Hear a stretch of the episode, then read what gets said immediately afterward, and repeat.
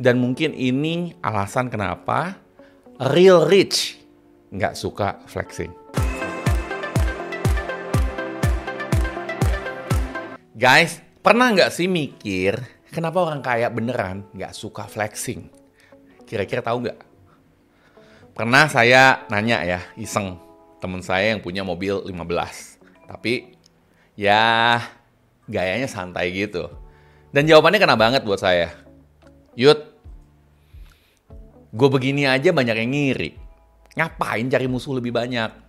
Gue keliling bareng sama lu, makan kue tiaw enak. Jarang yang tahu. Kalau gue ngetop, apalagi sering flexing, repot kali. Kalau gue pakai jam RM gue yang harganya mm bisa-bisa orang bacok tangan gue. Repot. Mending pakai tech hour aja deh. Punya anak juga repot. Kalau sampai dikenal, bisa-bisa diculik. Bayar bodyguard sih bisa, tapi hidup diikutin orang mulu dan nggak ngerasa aman nggak enak juga lah. Beda.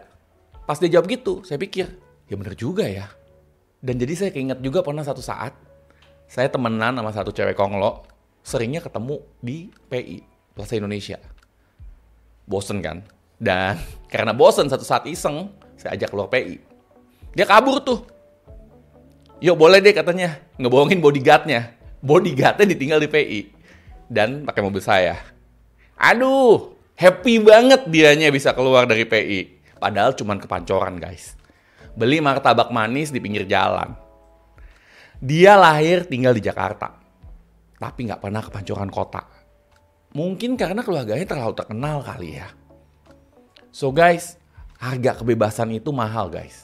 Saya juga jadi lebih menghargai kenapa.